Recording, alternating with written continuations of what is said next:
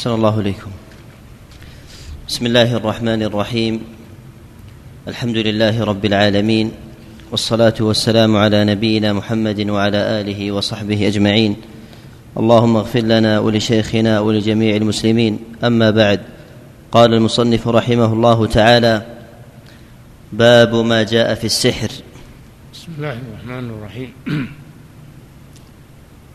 الحمد لله والصلاة والسلام على رسول الله وعلى آله وأصحابه ومن اهتدى بهداه. لما كان السحر نوع من أنواع الشرك الأكبر لأن صاحبه يستعين بالشياطين. في سحره.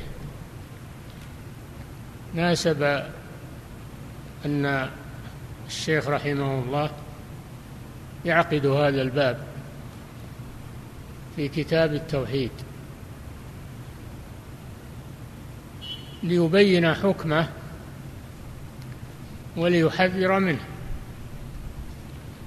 وذلك حسب النصوص التي أوردها في هذا الباب.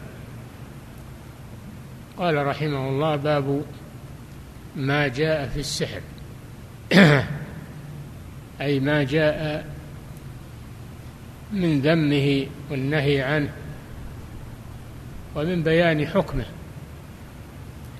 السحر آفة اجتماعية تفشية المجتمعات. وهو من بقايا الجاهلية. وكان موجودا في الأمم السابقة كما ذكر الله سبحانه عن فرعون عن سحرة فرعون. ومن بعد فرعون سرى في بني إسرائيل سرى فيهم السحر كما يأتي. والسحرة يفسدون في المجتمع ويروعون الناس ويخاف الناس منهم لأن شرهم مستطير. فيجب معرفة حكم السحر وحكم الساحر من أجل أن الإنسان يأخذ حذره ويحافظ على دينه وعلى عقيدته من شرهم. والله جل وعلا عوذ نبيه صلى الله عليه وسلم من السحر. وذلك في قوله في سورة الفلق ومن شر النفاثات في العقد. يعني الساحرات. يدل على خطورة السحر والحذر منه. نعم. أحسن الله إليكم. والسحر في اللغة ما خفي ولطف سببه. السحر ما لا يظهر سببه للناس. خفي عمل خفي لكن يظهر اثره السيء على الناس وهو على قسمين. سحر حقيقي يؤثر في الأبدان وفي العقول ومنه الصرف والعطف بين الزوجين حبب أحدهما للآخر أو يبغض أحدهما للآخر. كثيرا ما يستعملونه بين الزوجين يتعلمون منهما ما يفرقون به بين المرء وزوجه. والنوع الثاني منه سحر تخييلي لا حقيقة له وإنما هو قمرة على العيون كما قال جل وعلا في سحرة فرعون خيلوا إليه يعني لموسى عليه السلام خيلوا إليه من سحرهم أنها تسعى يعني العصي والحبال. خيل إلى موسى أنها تسعى. حيات وهي ليست كذلك إنما جعل عليها شيء يخدع الناظر فيظنها تسعى ولهذا قال الله لموسى إنما صنعوا كيد ساحر ولا يفلح الساحر حيث أتى. ومنه ما يستعمله البهلوانيون وما يسمون بالسيرك يأتون بهم في الحفلات. يخيلون للناس أشياء لا حقيقة لها.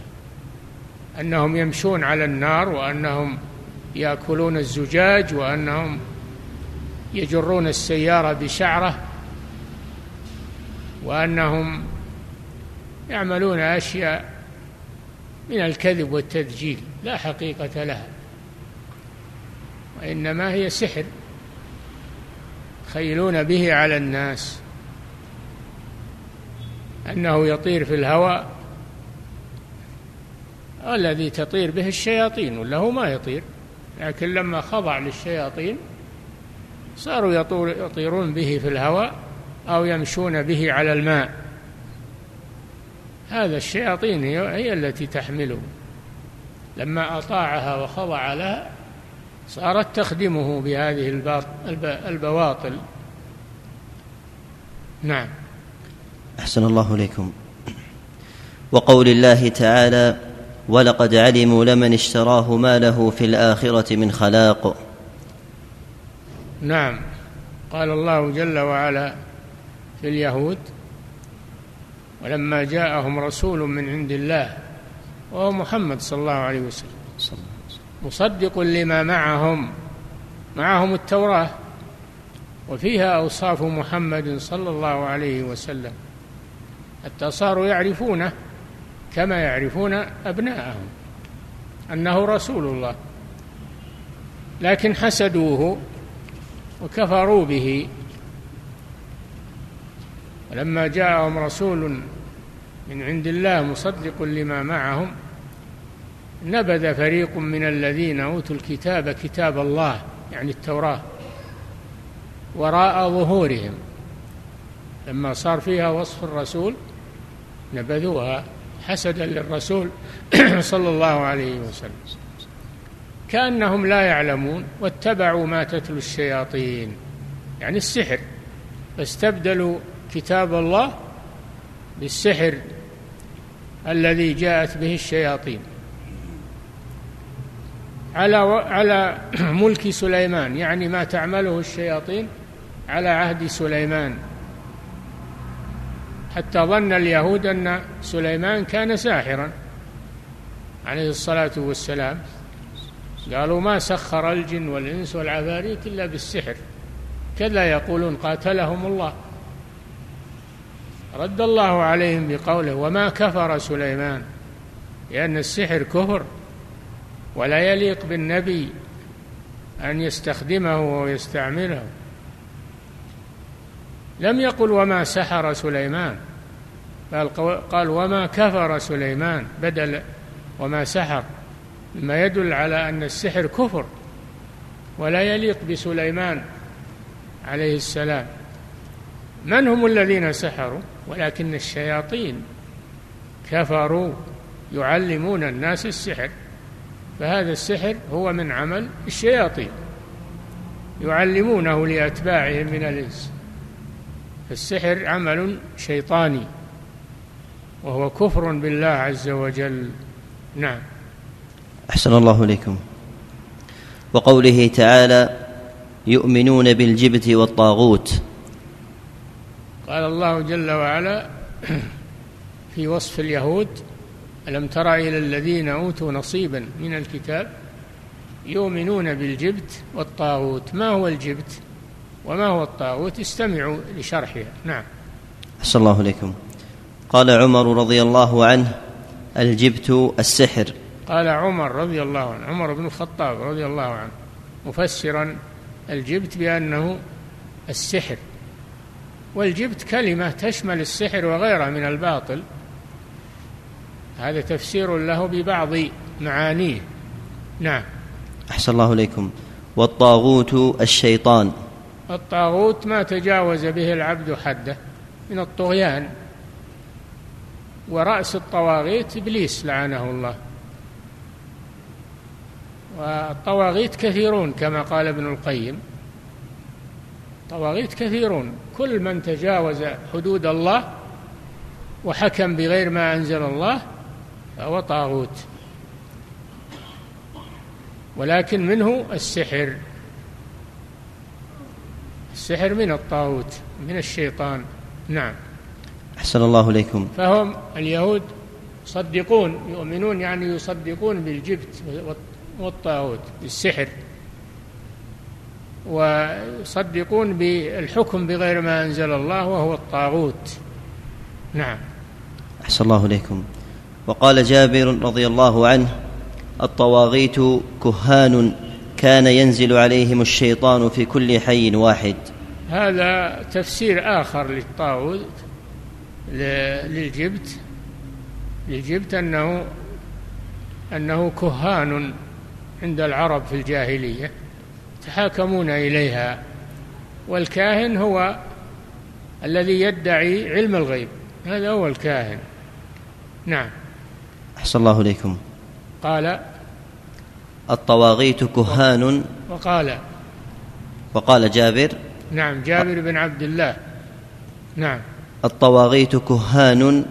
كان ينزل عليهم الشيطان في كل حي واحد. نعم. طاغوت عام. منه طواغيت من بني آدم ومنه طواغيت من الشياطين. يجمعهم الخروج عن طاعة الله عز وجل والطغيان. نعم. أحسن الله إليكم. وعن أبي هريرة رضي الله عنه أن رسول الله صلى الله عليه وسلم قال اجتنبوا السبع الموبقات.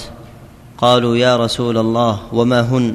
قال الشرك بالله والسحر وقتل النفس التي حرم الله إلا بالحق وأكل الربا وأكل مال اليتيم والتولي يوم الزحف. وقذف المحصنات الغافلات المؤمنات. اجتنبوا أي ابتعدوا عن السبع الموبقات المهلكات. المهلكات هذا من أكبر الكبائر. كبائر كثيرة ولكن أشدها هذه السبع. أولها الشرك بالله عز وجل هذا أكبر الكبائر. وهو موبق يعني مهلك. والثاني السحر وهذا محل الشاهد. الثاني السحر السحر من الكبائر الموبقة المهلكة والعياذ بالله. نعم. أحسن الله إليكم. وعن جندب رضي الله عنه مرفوعا حد الساحر ضربة بالسيف. رواه الترمذي وقال الصحيح أنه موقوف. نعم جندب هو جندب بن كعب الأزدي رضي الله عنه. روى هذا الحديث في حد الساحر دل على أن أن الساحر يقتل حدا يقتل حدا من الحدود التي شرعها الله سبحانه وتعالى. فهذا فيه أن الساحر يقتل بالسيف. حد الساحر ضربه أو ضربة بالسيف. دل على أن الساحر لا يترك بل يقتل على كل حال لأنه مرتد عن دين الإسلام ولأن بقاءه يفسد المجتمع. ولو أظهر التوبة لا تقبل منه. لا يسقط عنه الحد لا بد من قتله. هذا الحديث رواه جند مرفوعا إلى النبي صلى الله عليه وسلم من كلام الرسول وروي أنه من كلام جندب وهذا هو الموقوف. ما كان من كلام الصحابي فهو موقوف وما كان من كلام الرسول فهو مرفوع. فهذا الحديث يروى مرفوعا ويروى موقوفا. نعم. أحسن الله إليكم. وفي صحيح البخاري عن بجالة بن عبدة قال كتب عمر بن الخطاب رضي الله عنه أن اقتلوا كل ساحر وساحرة. قال فقتلنا ثلاث سواحر. كذلك مما يدل على وجوب قتل الساحر مع الحديث الذي سبق أنه عمل الخلفاء الراشدين. هذا عمر بن الخطاب رضي الله عنه الخليفه الثاني بعد أبي بكر كتب إلى عماله أن يقتلوا كل ساحر وساحرة. إلى عماله يعني إلى أمرائه يأمرهم بقتل السحرة ذكورا وإناثا كل ساحر وساحرة. وبجله بن عبده هذا كاتب من من كتاب أحد الأمراء. من كتاب أحد الأمراء. روى هذا الحديث أنه جاءهم كتاب عمر لهذا الأمير أن اقتلوا كل ساحر وساحرة. فبادروا وقتلوا السحرة الذين عندهم. قال فقتلنا ثلاث سواحر. يعني ثلاث نساء يسحرن عملا بكتاب عمر بن الخطاب رضي الله عنه خليفة الراشد. نعم. أحسن الله إليكم. وصح عن حفصة رضي الله عنها أنها أمرت بقتل جارية لها سحرتها فقتلت. وكذلك ثبت يعني صح عن حفصة بنت عمر حفصة بنت عمر بن الخطاب. أم المؤمنين زوج الرسول أنها أمرت بجارية لها سحرتها فقتلت. فهذا من عمل الصحابة أيضا. نعم. أحسن الله إليكم. وكذلك صح عن جندب قال أحمد عن ثلاثة من أصحاب كذلك النبي. كذلك صح عن جندب الأزدي الذي مر بنا ذكره أنه قتل الساحر. مع أنه روى الحديث أيضا نفذ قتل لأن لأنه كان ساحر يلعب عند بعض الأمراء من بني أمية يلعب عنده بالسحر يظهر أنه يقتل رجل ثم يعيده حيا. مثل ما قلنا هذا سحر التخيل يخيل إليهم أنه قتله. ثم يرفع السحر والتخيل فيعود الرجل حيا لم يصبه شيء. فهذا من سحر القمرة. وجده يلعب عند عند الأمير بهذا السحر فقرب منه مشتملا على السيف ومخف للسيف. فلما قرب منه ضربه بالسيف وقتله وقال إن كان صادقا فليحيي نفسه. إن كان صادقا فليحيي نفسه. فهذا عمل صحابي ثالث وهو جندب بن كعب الأزدي رضي الله عنه. ولهذا قال الإمام أحمد نعم. أحسن الله إليكم. قال أحمد عن ثلاثة من أصحاب النبي صلى الله عليه وسلم. يعني ثبت قتل الساحر عن ثلاثة من أصحاب النبي صلى الله عليه وسلم. وهم من سمعتم. عمر بن الخطاب وبنته حفصة وجندب بن كعب الأزدي. نعم. أحسن الله إليكم. قال رحمه الله تعالى فيه مسائل. نعم فهذه الأحاديث مع الآية الكريمة الآية تدل على أن على أن تعلم السحر وتعليمه كفر أكبر يخرج من الملة. وما كفر سليمان ولكن الشياطين كفروا يعلمون الناس السحر فدل على أن تعليم السحر كفر. والله أنزل ملكين من السماء يعلمان السحر ابتلاء للعباد واختبارا للعباد من يتعلم السحر ومن يرفض. هذا من باب الابتلاء والامتحان. وما أنزل على الملكين ببابل أرض بابل من العراق. اسم الملكين هاروت وماروت. والملكان ينصحان قبل التعليم إنما نحن فتنة يعني لا تغتر إنما أنزلنا الله فتنة للناس واختبارا للناس. فلا تكفر يعني فلا تتعلم السحر. وما يعلمان من أحد حتى يقولا إنما نحن فتنة. فلا تكفر يعني لا تتعلم السحر. دل هذا هذا موضع ثاني في الآية على أن الكفر على أن السحر كفر تعلمه وتعليمه تعلمه وتعليمه.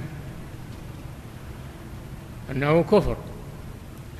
يعلمون ولكن الشياطين كفروا يعلمون الناس السحر. هذا دليل على أن تعليم السحر كفر. وما يعلمان من أحد حتى يقول إنما نحن فتنة فلا تكفر. هذا دليل على أن تعلم السحر كفر. يتعلمون منهما أي من الملكين. من لا يقبل النصيحة يتعلم. ما يفرقون به بين المرء وزوجه. السحر يؤثر على العقول والأفكار. فيعملون السحر بين الزوجين فيتباغضا يتفرقا بدل العشرة وحسن العشرة والالتئام. يفسدون بين الزوجين. نعم فيتعلمون منهما أي من الملكين ما يفرقون به بين المرء وزوجه وهو السحر. ثم قال جل وعلا وما هم بضارين به من أحد إلا بإذن الله بقدر الله وقضائه لا بإذنه الشرعي لأن الإذن على قسمين إذن كوني قدري وإذن شرعي. فالمراد هنا الإذن الكوني القدري. وإلا فالله لا يأذن شرعا بالسحر إنما يحرمه وينهى عنه إلا بإذن الله. كل شيء بقضاء الله وقدره الخير والشر والكفر والإيمان كله بقضاء الله وقدره لحكمة منه سبحانه وتعالى.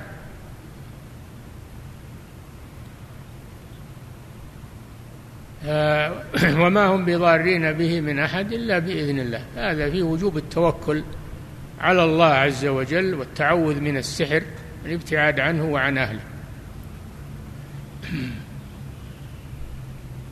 وما يعلمان وما هم بضارين به من أحد إلا بإذن الله الكوني القدري. نعم. أحسن الله إليكم. الثانية تفسير آية النساء. الفائدة الأولى المسألة الأولى تفسير آية البقرة. تفسير آية البقرة. البقرة. اتبعوا ما تتلو الشياطين على ملك سليمان وما كفر سليمان ولكن الشياطين كفروا يعلمون الناس السحر وما أنزل على الملكين ببابل هاروت وماروت. ما يعلمان من أحد حتى يقول إنما نحن فتنة فلا تكفر يتعلمون منهما ما يفرقون به بين المرء وزوجه وما هم بضارين به من أحد إلا بإذن الله.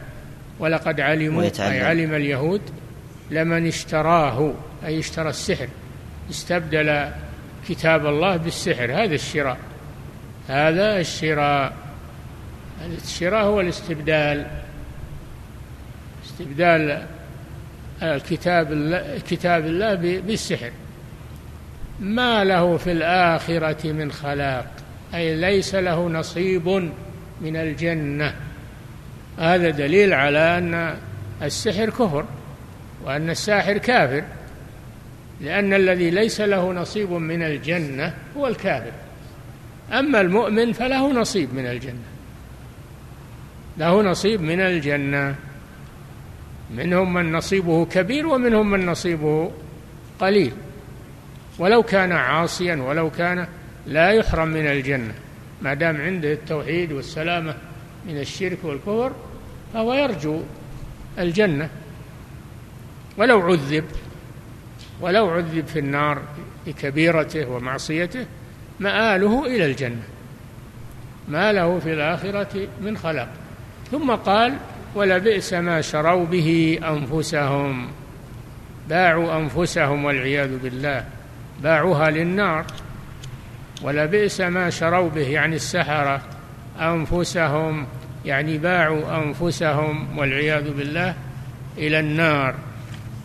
لو كانوا يعلمون. ولو أنهم آمنوا واتقوا. هذا دليل على أن الساحر ليس بمؤمن. ولو أنهم آمنوا صاروا ما آمنوا يعني كفروا بالسحر. هذه المواضع من الآية كلها تدل على أن السحر كفر تعلمه وتعليمه وأنه خسارة على الساحر في الدنيا والآخرة. نعم. أحسن الله إليكم. الثالثة تفسير الجبت والطاغوت والفرق بينهما. تفسير الجبت والطاغوت والفرق بينهما. الجبت فسر بأنه السحر كما ثبت عن عمر والطاغوت فسر بأنه الكاهن. طاغوت الكاهن الذي يحكم بغير ما أنزل الله ويدعي علم الغيب. نعم. أحسن الله إليكم. الرابعة أن الطاغوت قد يكون من الجن وقد يكون من الإنس. نعم طواغيت كهان والكهان هذول من الإنس. دل على أن الطواغيت تكون من الإنس وتكون من الجن ومن الشياطين. نعم. أحسن الله إليكم. الخامسة معرفة السبع الموبقات المخصوصات بالنهي. نعم السبع الموبقات هي ما ذكره الرسول صلى الله عليه وسلم الشرك والسحر قتل النفس التي حرم الله إلا بالحق وأكل الربا وأكل مال اليتيم والتولي يوم الزحف قذف المحصنات الغافلات المؤمنات. عرفنا الشرك وعرفنا السحر. الشرك بالله والسحر. الثالث قتل النفس بغير حق. قتل النفس المؤمنة بغير حق. المؤمنة لا تقتل إلا بحق إما قصاص وإما ردة تارك لدينها المفارق للجماعة النفس بالنفس هذا قصاص. ثيب الزاني. و لا يحل دم امرئ مسلم إلا بإحدى ثلاث. الثيب الزاني هذا الأول. الثيب الزاني الثيب يعني المحصن الذي سبق أن تزوج بنكاح صحيح. إذا زنى يرجم بالحجارة حتى يموت. أما البكر الذي لم يتزوج فهذا يجلد مئة جلدة ويغرب عن بلده سنة. الثيب الزاني والنفس بالنفس هذا القصاص. والتارك لدينه هذه الردة. إذا هذا من أدلة قاتل المرتد. تارك لدينه المفارق للجماعة. كذلك الذي يخرج على إمام المسلمين ويفارق الجماعة يقتل دفعا لشره. نعم. أحسن الله إليكم. السادسة أن الساحر يكفر. أن أن الساحر يكفر وهذا محل الشاهد للباب. أن الساحر يكفر كما هو في الآية الكريمة وكما هو في غيرها مما ذكر الشيخ رحمه الله. نعم وهذا قول جماهير أهل العلم. أن الساحر يكفر مطلقا لأنه لا يتعاطى السحر إلا إذا خضع للشياطين لأن السحر من تعليم الشياطين. فإذا خضع للشياطين وامتثل أمرهم كفر والعياذ بالله. نعم. أحسن الله إليكم. السابعة أنه يقتل ولا يستتاب. أنه حد الساحر ضربه بالسيف ولم يذكر استتابة لأنه وإن أظهر التوبة لا يصدق لا يصدق فيها مثل المنافق. لو أظهر التوبة ما يصدق فيها لأنه فسد قلبه زاغ قلبه فلا يقبل الهداية بعد ذلك. ولم يذكر أن عمر أو حفصة أو جندب استتابوا السحرة فيقتل. أما إذا تاب بينه وبين الله فهذا بينه وبين الله. الله أعلم بنيته. وأما في الدنيا فلا يسقط الحد عنه. نعم. أحسن الله إليكم. الثامنة وجود هذا في المسلمين على عهد عمر فكيف بعده؟ وجود السحر على عهد عمر اللي هو خير العصور خير القرون. بعد خير القرون التي أثنى عليها الرسول صلى الله عليه وسلم. في عهد الخليفة الراشد كان السحر موجودا فكيف بالأزمنة المتأخرة؟ كل ما تأخر الزمان يكثر الشر. نعم. أحسن الله إليكم. باب بيان شيء من أنواع السحر. يكفي. نقف عند هذا. نعم. أحسن الله إليكم. يقول السائل فضيلة الشيخ بارك الله فيكم الضرورات تبيح المحظورات فهل السحر منها؟ لا. الضرورات لا تبيح الكفر. لا تشرك بالله وإن قتلت أو حرقت الضرورات لا تبيح الكفر والشرك بالله عز وجل. إنما تبيح الحرام فقط مثل أكل الميتة الميتة حرام لكن عند الضرورة تباح لل والدم ولحم الخنزير إنما تباح عند الضرورة. المحرمات أما الشرك لا كفر لا ما يباح للضرورة. نعم. أحسن الله إليكم. يقول السائل ما هو القول الراجح في هاروت وماروت؟ هل هما ملكان من البشر أم هما ملكان من الملائكة أو أنهما ملكان أنزلا في سورة بشر؟ يا سبحان الله الآية الله جل وعلا يقول وما أنزل على الملكين. ونقول من البشر. الآية تدل على أنهما ملكان من السماء وأن الله أنزلهما ما هو لأجل إقرار السحر أو وإنما أنزل للابتلاء والامتحان. نعم. أحسن الله إليكم. يقول السائل هل السحر كفر أكبر أو أصغر؟ سبحان الله يعني كلامنا كله راح. السحر كفر أكبر يخرج من الملة. يخرج من الملة. ما هو أصغر؟ من قال أنه أصغر؟ نعم. أحسن الله إليكم. يقول السائل هل الساحر إذا أقيم عليه الحد يدخل الجنة أم يبقى على كفره؟ هذا عرفتم الكلام. إذا كان تاب بينه وبين الله توبة صحيحة الله يقبل توبته في الآخرة. أما في الدنيا لا ما يسقط عنه الحد. ما يسقط عنه الحد. أما في الآخرة أمره إلى الله. كان صادقا في توبته فإن الله يقبله. وإن كان كاذبا والله أعلم بنيته. نعم. أحسن الله إليكم. يقول السائل قوله تعالى ويتعلمون ما يضرهم ولا ينفعهم. نعم وهذا من أدلة آه من أدلة أن السحر كفر لأنه هو الذي يضر ولا ينفع. ضرر محض ليس فيه فائدة. نعم. أحسن الله عليكم يقول معناه أن السحر علم ضار ضرر محض لا خير فيه فهل هناك علوم ضارة غيره يجب الحذر منها؟ كل العلوم الضارة اللي تخل بالعقيدة وتنقص العقيدة يجب الحذر منها. لكن السحر كفر. ضرره ضرر الكفر وفساد العقيدة. وهناك مضار دون ذلك. هناك مضار دون ذلك مثل ضرر الخمر دون السحر. ضرر الخمر ضرر المخدرات هذا ضرر. لكنه دون السحر. كبيرة من كبائر الذنوب لكنه دون السحر. نعم. أحسن الله إليكم. يقول السائل ما توجيه كون الصحابي جندب رضي الله عنه قتل الساحر بنفسه مع أن إقامة الحد يكون من ولي الأمر؟ هذا من اختصاص الصحابة رضي الله عنهم. اختصاص الصحابة أنهم إذا رأوا المنكر الذي متفشي أنهم يقتلون. وأما غيرهم فلا يقيم الحدود إلا السلطان. نعم. أحسن الله إليكم.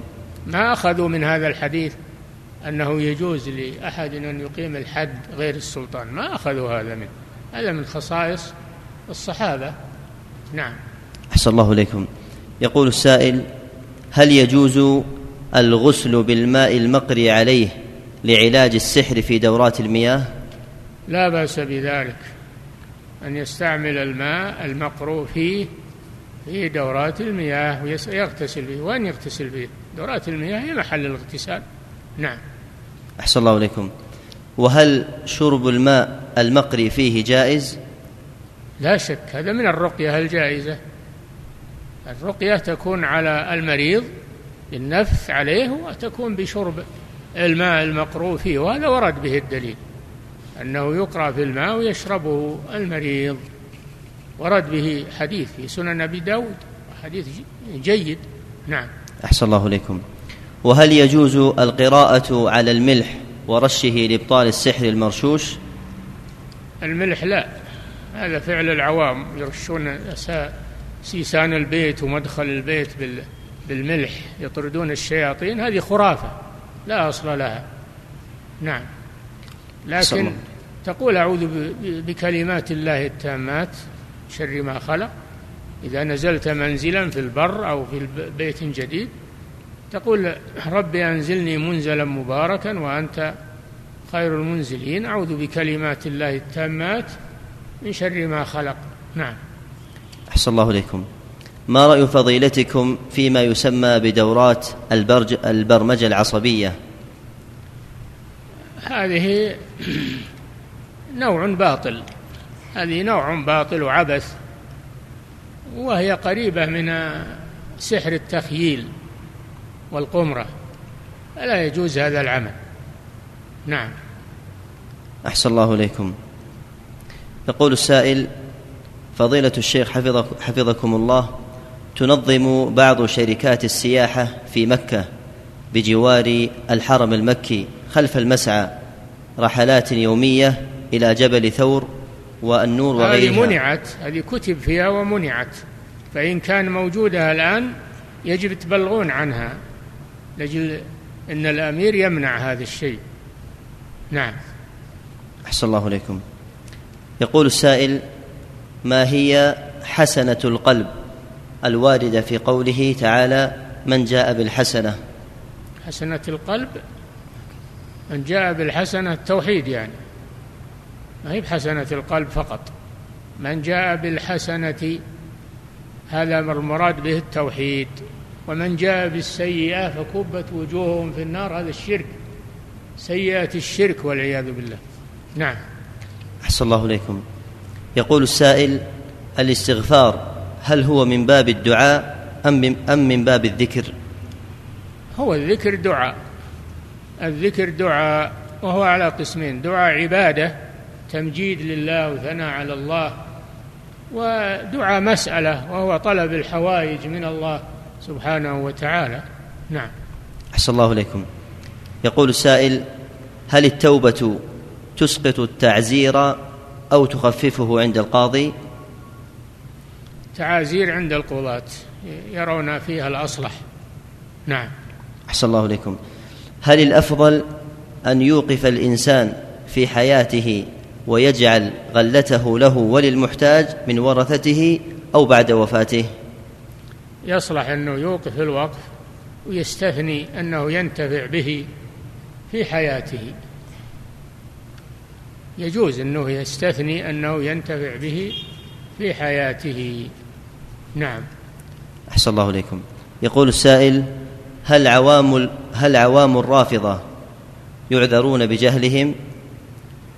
الذي يفعل الشرك والكفر لا يعذر إذا كان يعيش في بلاد المسلمين ويسمع القرآن ويسمع السنة ويسمع المحاضرات والدروس قامت عليه الحجة كيف يعذر؟ نعم. أحسن الله إليكم. يقول السائل هل يجب على رجال الهيئة تتبع أخطاء الناس أو لا يبحثون عن المنكرات؟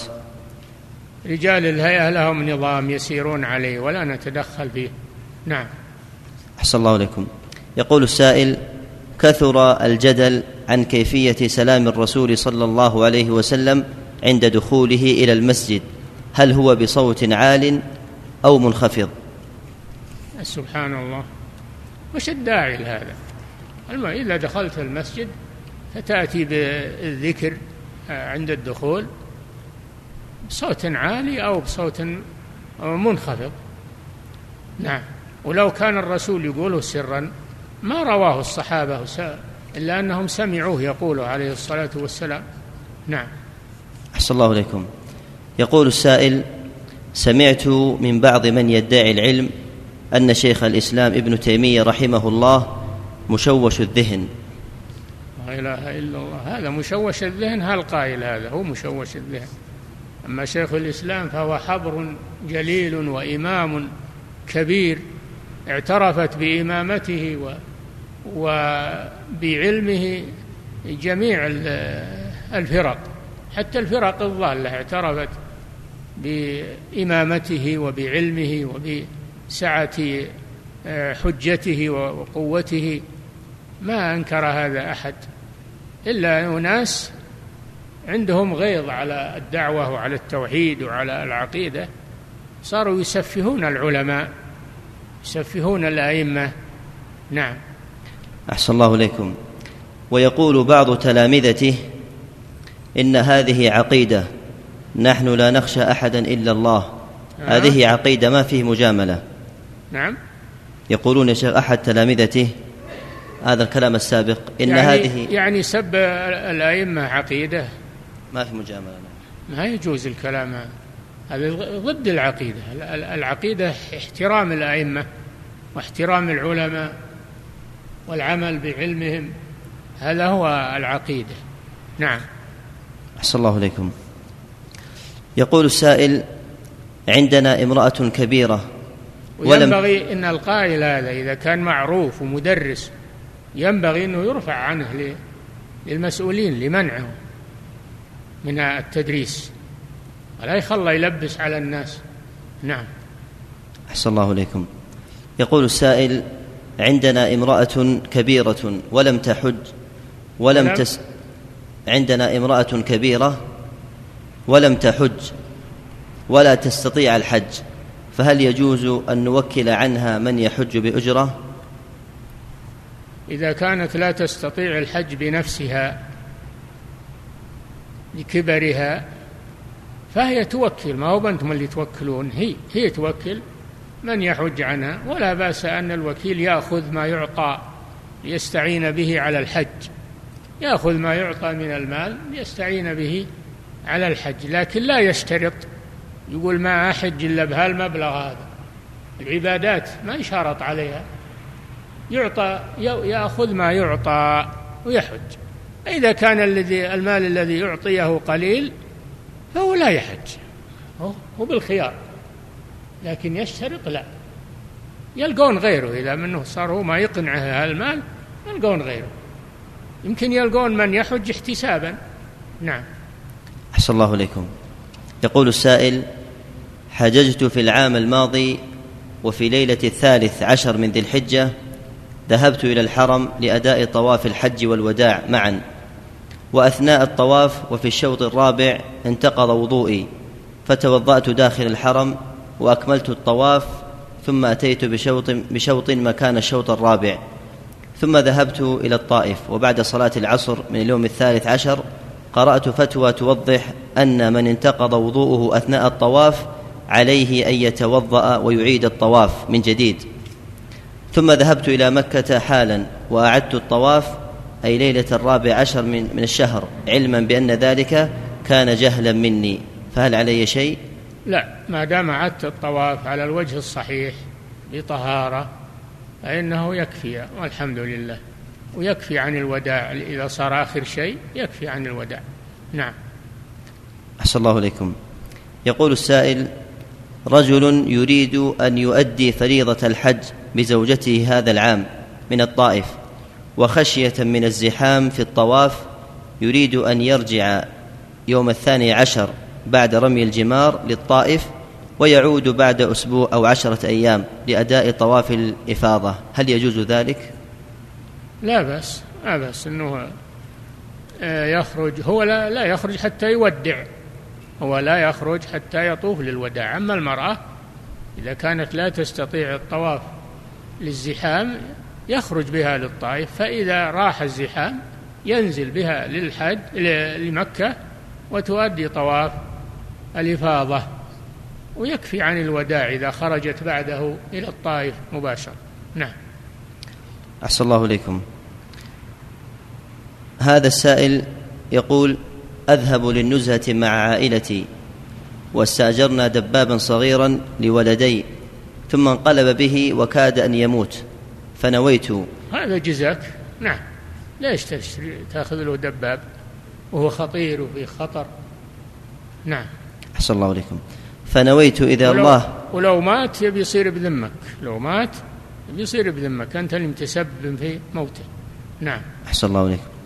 ويقول يا شيخ إذا الله سلمه أن أذبح اثنتين من الغنم وأتصدق بها على الفقراء فهل يجوز ذلك؟ نعم هذا نذر معلق على شرط إذا حصل الشرط يجب الوفاء به وأن تذبح الشاتين وتوزعهم على الفقراء هذا نذر طاعة.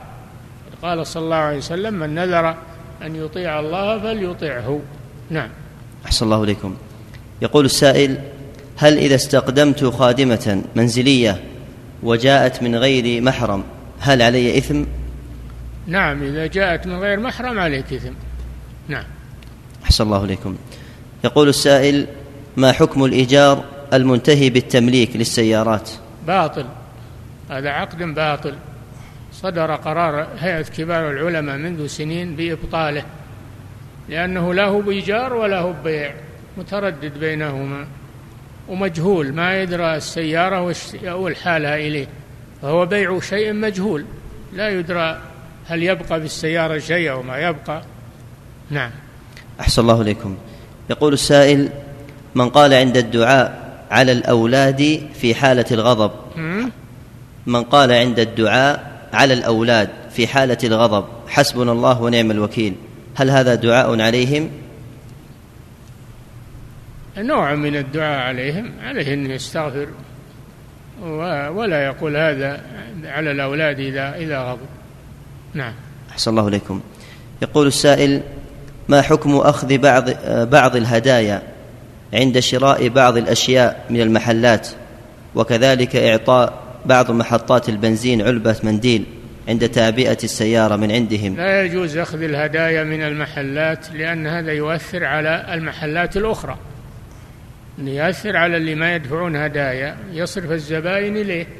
يبون الهدايا هذا يضر الناس لا يجوز هذا العمل. نعم. أحسن الله إليكم. يقول السائل ألا ترون حفظكم الله أهمية تعليم الناس ما تيسر من سورة الفاتحة وسور المفصل؟ وقد سمعنا ذلك في برنامجكم من أحكام القرآن الكريم في إذاعة القرآن. فهل تواصلونه وتزيدون في مدة البرنامج نصف ساعة ويكون من الفاتحة والمفصل؟ السؤال أنا ما فهمت. أوله طريق وثاني وآخره شيء آخر. تعيد السؤال. أحسن الله عليكم. يقول يا شيخ ألا ترون حفظكم الله أهمية تعليم الناس ما تيسر من سورة الفاتحة؟ يعني من تفسيرها. إيه ولا من لفظها؟ تعليمهم لفظها هذا واجب ولا تصح الصلاة إلا به. أما تعليمهم تفسير الفاتحة هذا شيء طيب لكنه ما هو واجب نعم. أحسن الله عليكم. وقد سمعنا ذلك في برنامجكم من أحكام القرآن الكريم في إذاعة القرآن. فهل تواصلونه وتزيدون في مدة البرنامج نصف ساعة؟ هذا اطلبوه من إذاعة القرآن اطلبوا إعادة البرنامج. واطلبوا أيضا زيادة الوقت. هذا عند وزارة الإعلام. نعم. أحسن الله إليكم. يقول السائل ما هو الحكم في فتح محلات للحلاقة لغرض التجارة؟ ما هو طيب؟ الحلاقة الآن تحولت إلى م... إلى حلاقة محرمة كحلق اللحى. إذا كان يبي يمنع من حلق اللحى فلا بأس. أما إذا كان بيقول اللي يجي احلقوها اللي هو. هذا حرام ما يجوز. حلق اللحى حرام وأخذ الأجرة عليه حرام. نعم. أحسن الله إليكم. يقول السائل ما معنى شرح حديث هجر المسلم سنة كسفك دمه؟ ما أعرف هذا الحديث بهذا اللي أعرف الحديث أن الرسول رخص في الهجر ثلاثة أيام. في الهجر ثلاثة أيام. ثم بعد ذلك يكلمه ويسلم عليه ولا يستمر الهجر. إذا كان هذا من أجل سوء تفاهم بينهما أما إذا كان هذا بسبب أن المهجور على معصية ولم يقبل النصيحة وكان في هجره زجر له عنها فإنه يهجر حتى يترك حتى يترك المعصية. نعم. أحسن الله إليكم. ويقول ما تفسير قوله تعالى ليس لك من الأمر شيء الآية. لما قال النبي صلى الله عليه وسلم في وقعة أحد اللهم العن فلانا وفلانا في الوتر في قنوت الوتر. الله عاتبه على ذلك وقال ليس لك من الأمر شيء أو يتوب عليهم أو يعذبهم. وتابوا وأسلموا وحسن إسلامهم. الرسول لا يعلم الغيب. الرسول لا يعلم الغيب فلما قال اللهم العن فلانا وفلانا عاتبه الله لأن الله يعلم ما سيكون حالهم فيما بعد وقد تابوا وأسلموا وحسن إسلامهم. نعم. أحسن الله إليكم. يقول ما معنى حديث استفت قلبك وحديث وإن أفتاك الناس وأفتوك؟ يعني شوف ما تطمئن إليه إذا سمعت فتاوى فلا تأخذ بها على طول. شوف اللي يطمئن قلبك إليه من الفتاوى وترتاح له خذ به. وأما الذي تجد أنك نافر منه ولا ولا يعني تطمئن إليه اتركه. نعم. أحسن الله إليكم. يقول السائل هل تجب طاعة من تحت الأمير مثل رئيسك في العمل وشيخ قبيلتك حتى لو كان رأي هذا الشيخ غير صحيح. هل هي بنفس الطاعة للأمير؟ غير صحيح ما يطاع أحد في شيء غير صحيح. إنما الطاعة في الذي لا يظهر أنه مخالف أو أنه معصية.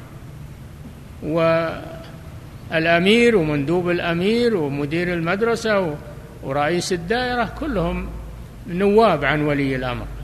نواب عن ولي الأمر. فيطاعون في غير معصية الله عز وجل. نعم. أحسن الله إليكم.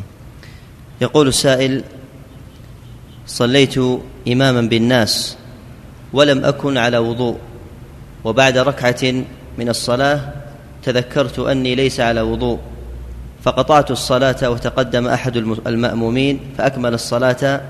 هل صلاتهم في الركعة الأولى صحيحة أم يعيدون؟ خلاف بين العلماء والراجح أنها لا تصح لأنك دخلتها على غير طهارة.